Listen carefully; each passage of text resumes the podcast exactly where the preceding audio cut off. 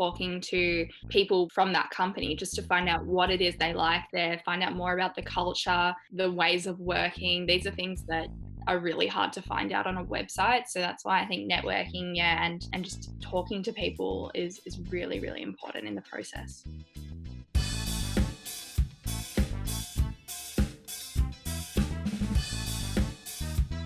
Welcome to 2020's first episode of Samcast, the podcast by the Students Association of Management and Marketing at the University of Melbourne. We aim to be the go to discussion space for all things considered in the world of management and marketing and how it links to you, your life, and your future career. Just a quick note before we begin. Due to the global situation surrounding coronavirus, we are recording this podcast through Zoom with no specialized equipment, so please excuse any lack in audio quality. Today, we'll be tackling one of the most challenging yet most important parts of any student's time at university applying for internships. The recruitment process for internships can sometimes feel long and confusing, so we're here to keep things simple and answer your burning questions about applying. Let's start with an introduction of all the wonderful SAM committee members here today and their experiences with internships and the recruitment process. My name is Kavya, and I'm the Communications Director at SAM. And this summer, I did a consulting internship at one of the Big Four. My name is Sharon, and I'm the Director of Human Resources at SAM. And over the summer, I did an internship in institutional banking. Hi, I'm Nat, and I'm the President of SAM. I've done a few internships within the HR space. All of them have been quite different, but currently I'm interning in HR for a global consulting firm. Hey guys, my name is Alan. I'm part of the communications team, and over the past year, I've done internships in the public sector, as well as one at a startup law firm. So, we asked our SAM members on Facebook to share with us any questions they might have about the application process. So, let's jump right in. A lot of students are confused about what to expect when applying to internships. The process spans across multiple stages and several months. So, for everyone here, could you please share the steps and timeframe of your application process? Well, I think my internship it opened in semester two. So I know a lot of people, especially with the big four, all of those applications, they open up in semester one and people are able to secure a job probably halfway through the semester. But with mine, it opened in semester two, as is common for the industry.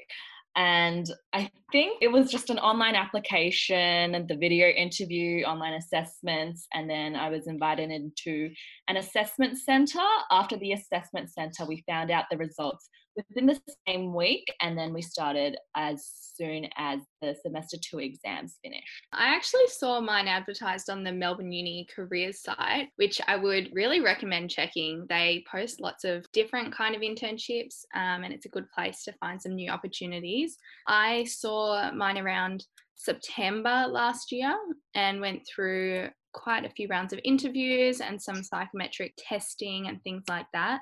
So I first saw this job advertised at the beginning of semester one. So it was very soon in the year to be thinking about, all the way in November, December. So I applied then, and I actually waited a really long time after doing psychometric testing to hear back and find out about the later stages. And then I didn't do a video interview. I went straight into an assessment center and then into my final round interview and then to an offer, which was exciting. I actually saw mine through the careers website, and my current one that I'm at, I actually got that opportunity at the Union of Careers Fair last year. So that was an interesting experience, and pretty much I had to do an online application, then a phone interview, and then I had to do a in-person interview. No assessments, but yeah, it was um it was just pretty much standard as what um, the others have said already. Yeah, so hearing about all of our experiences, there seems to be a lot in common, and all of that starts with seeing the job posted online and then doing an online application. But a very common question that we get is how effective is networking in terms of landing a job? So, in your experience, what kind of benefits has networking brought you? Personally, I found networking to be extremely effective. It's one of the things that I tell a lot of people as advice is to really work on your networks and expand your networks and you won't realize like how important they are. I have had quite a few mentors over the past few years and they have put me in touch with a lot of different people, going out for coffee chats, even just like reaching out to people on LinkedIn who are in industries that you're interested in, I think is so valuable, even if it's just, you know, to arrange a five 10 minute phone call to ask a few questions, maybe not five, but a short phone call.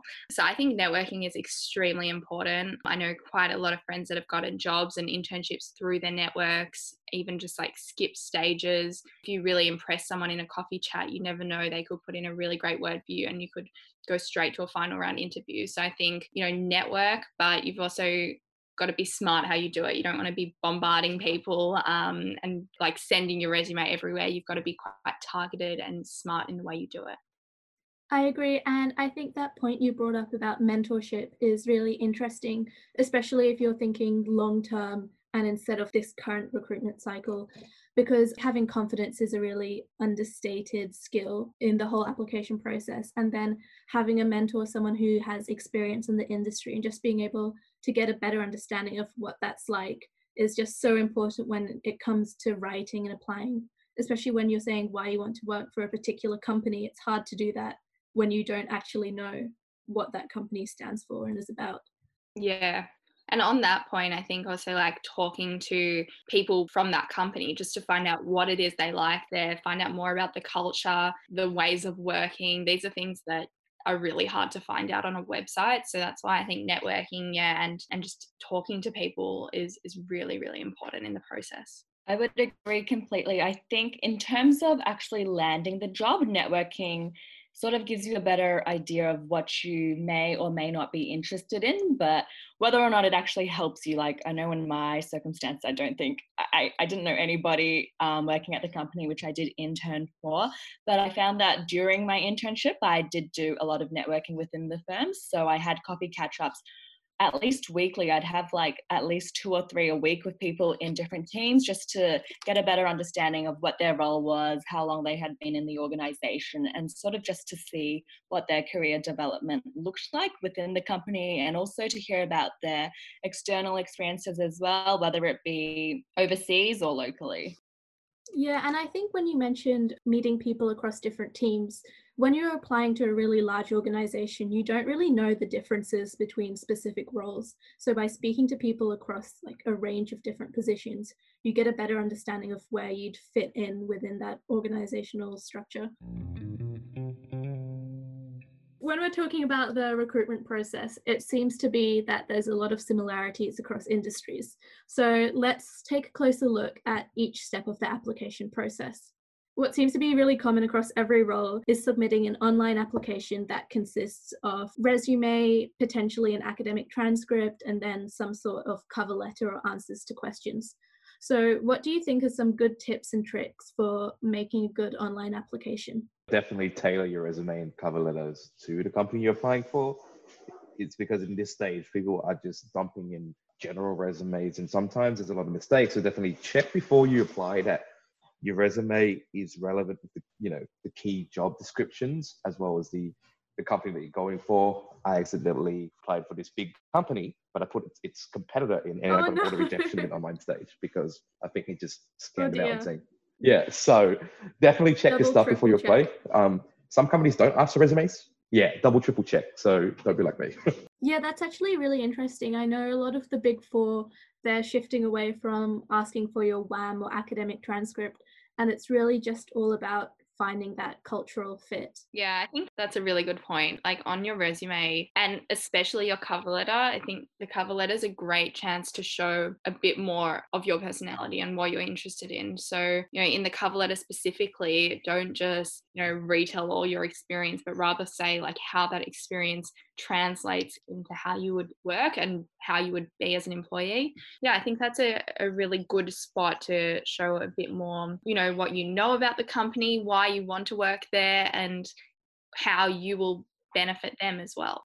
I agree with that completely. Like when it comes to the cover letter, I think it's important to definitely tailor it to the company. I would suggest having a look at their values, how that would align with your own personal interests, because I think completing an internship is a two way street. It's a chance for you to find out whether or not that company is right for you. And it's also a chance for that company to see whether or not they would potentially see you there long term and perhaps offer you a graduate job after the summer internship. And I think with regards to the resume, there's definitely been less of a focus on your academic grades of recent times and everyone just wants to sort of see you becoming more and more involved in your university and extracurricular life.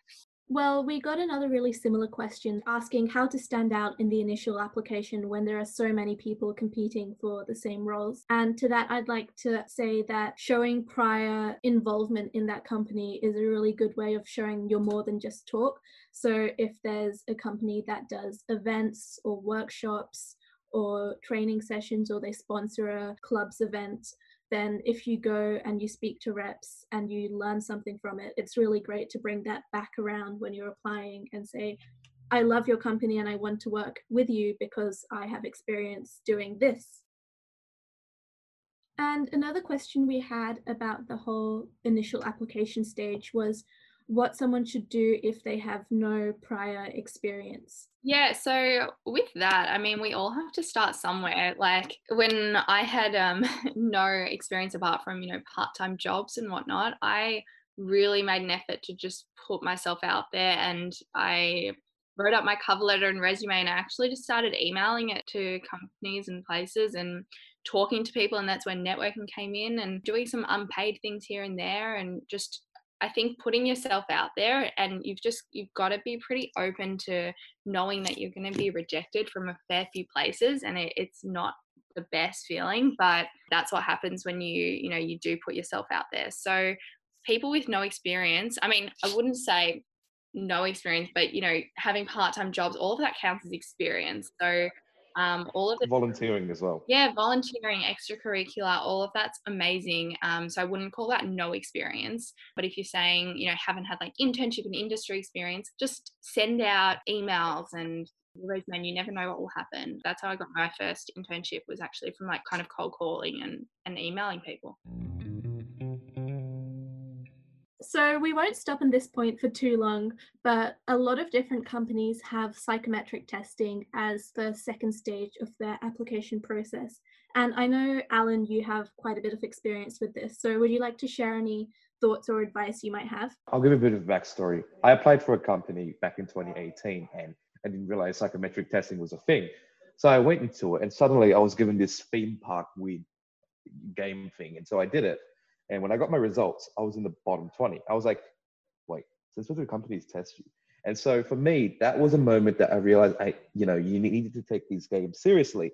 And so I think a really good way to keep yourself, I guess, your mind uh, jumping around when you're doing those tests is just consistently read a lot, play a bit of puzzles like Sudoku or puzzle games or Peak. Like it's just being able to react to certain things differently. And each company will have different methods of testing. You've got Revelian, Sova, Pymetrics, whatnot, but they generally have the same gist of trying to figure out what your sort of behavior is, but also your personality at the same time.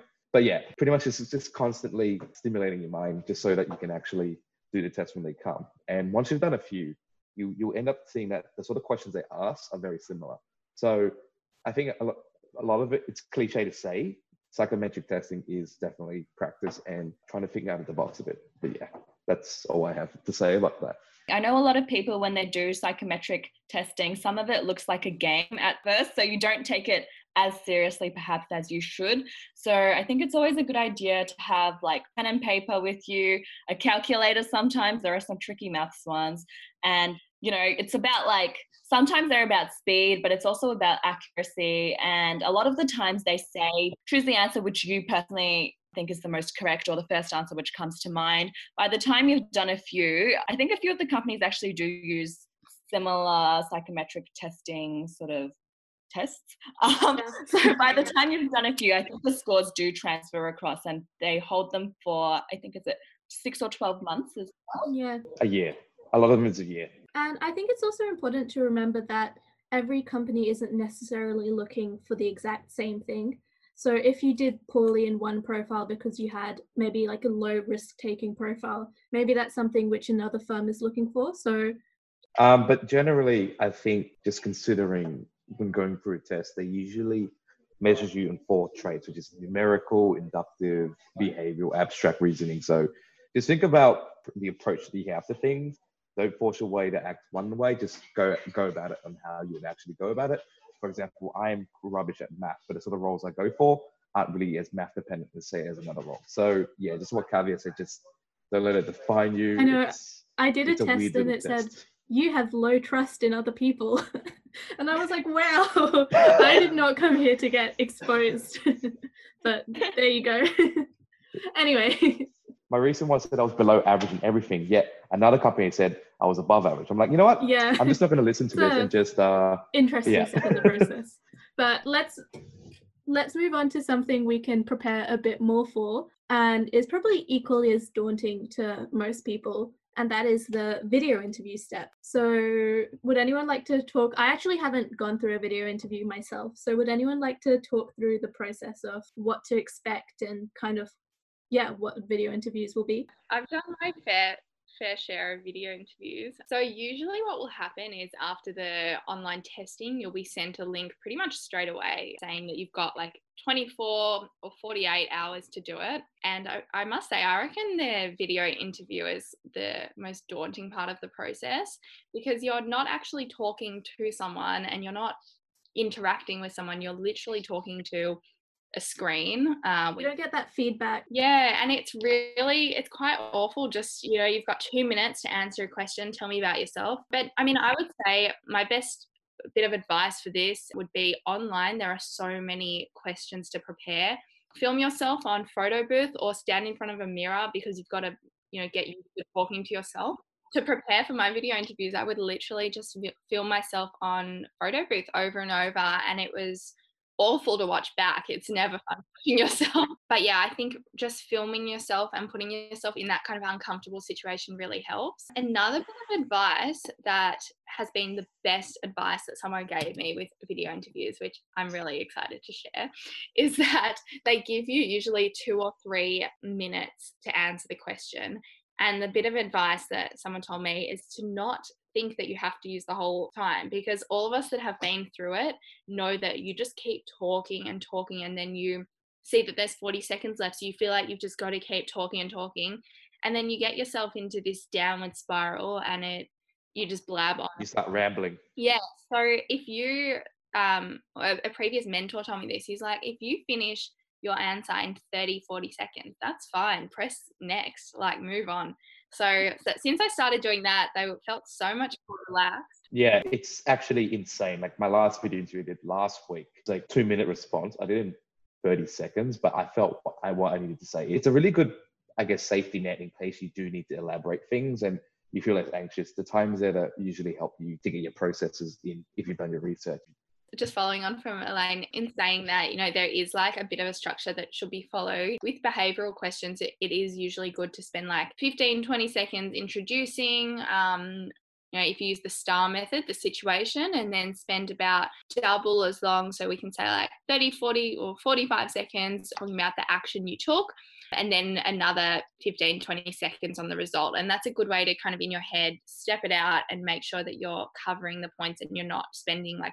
two minutes talking about the situation, which is not the most relevant part. Sorry to cut in, but a recruiter from a big company told me that people spend way too much time on this is the context when you actually want to hear what you've actually done with that situation. So exactly the action. Yeah the action is the most important. Even the aftermath, people want to see, okay, you've done your action, so what's actually happened? You know, what's the tangible outcome, which is very hard to focus on sometimes because you want to jam in so much information. But it's so important to show that, okay, these are the steps that you took.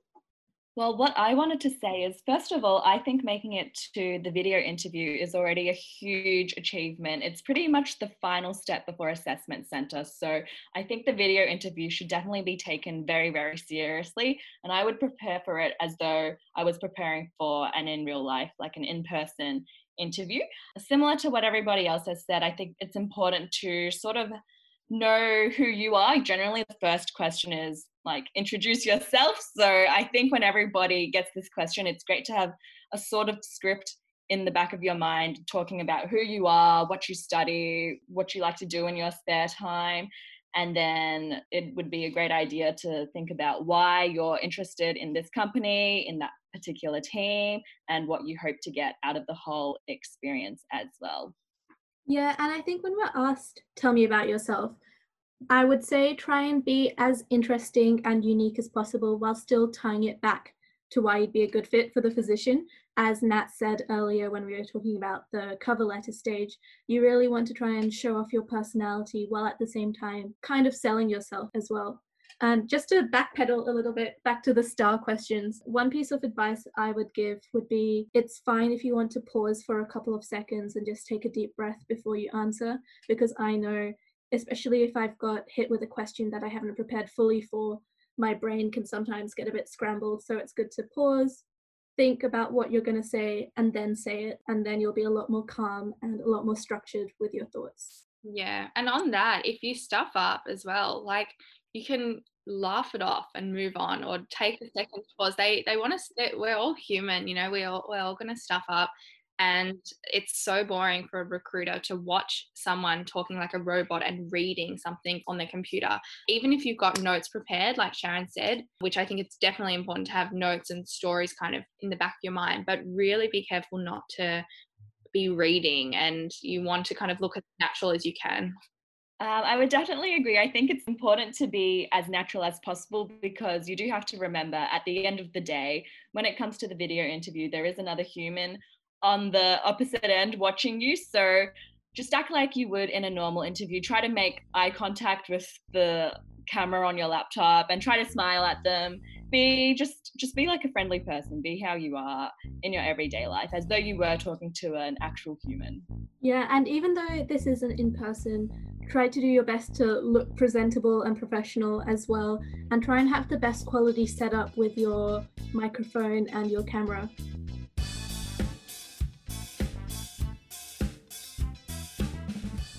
And that's the end of our first half of our Samcast podcast on answering your questions on the internship recruitment process. For the rest of our podcast, please tune in for part two.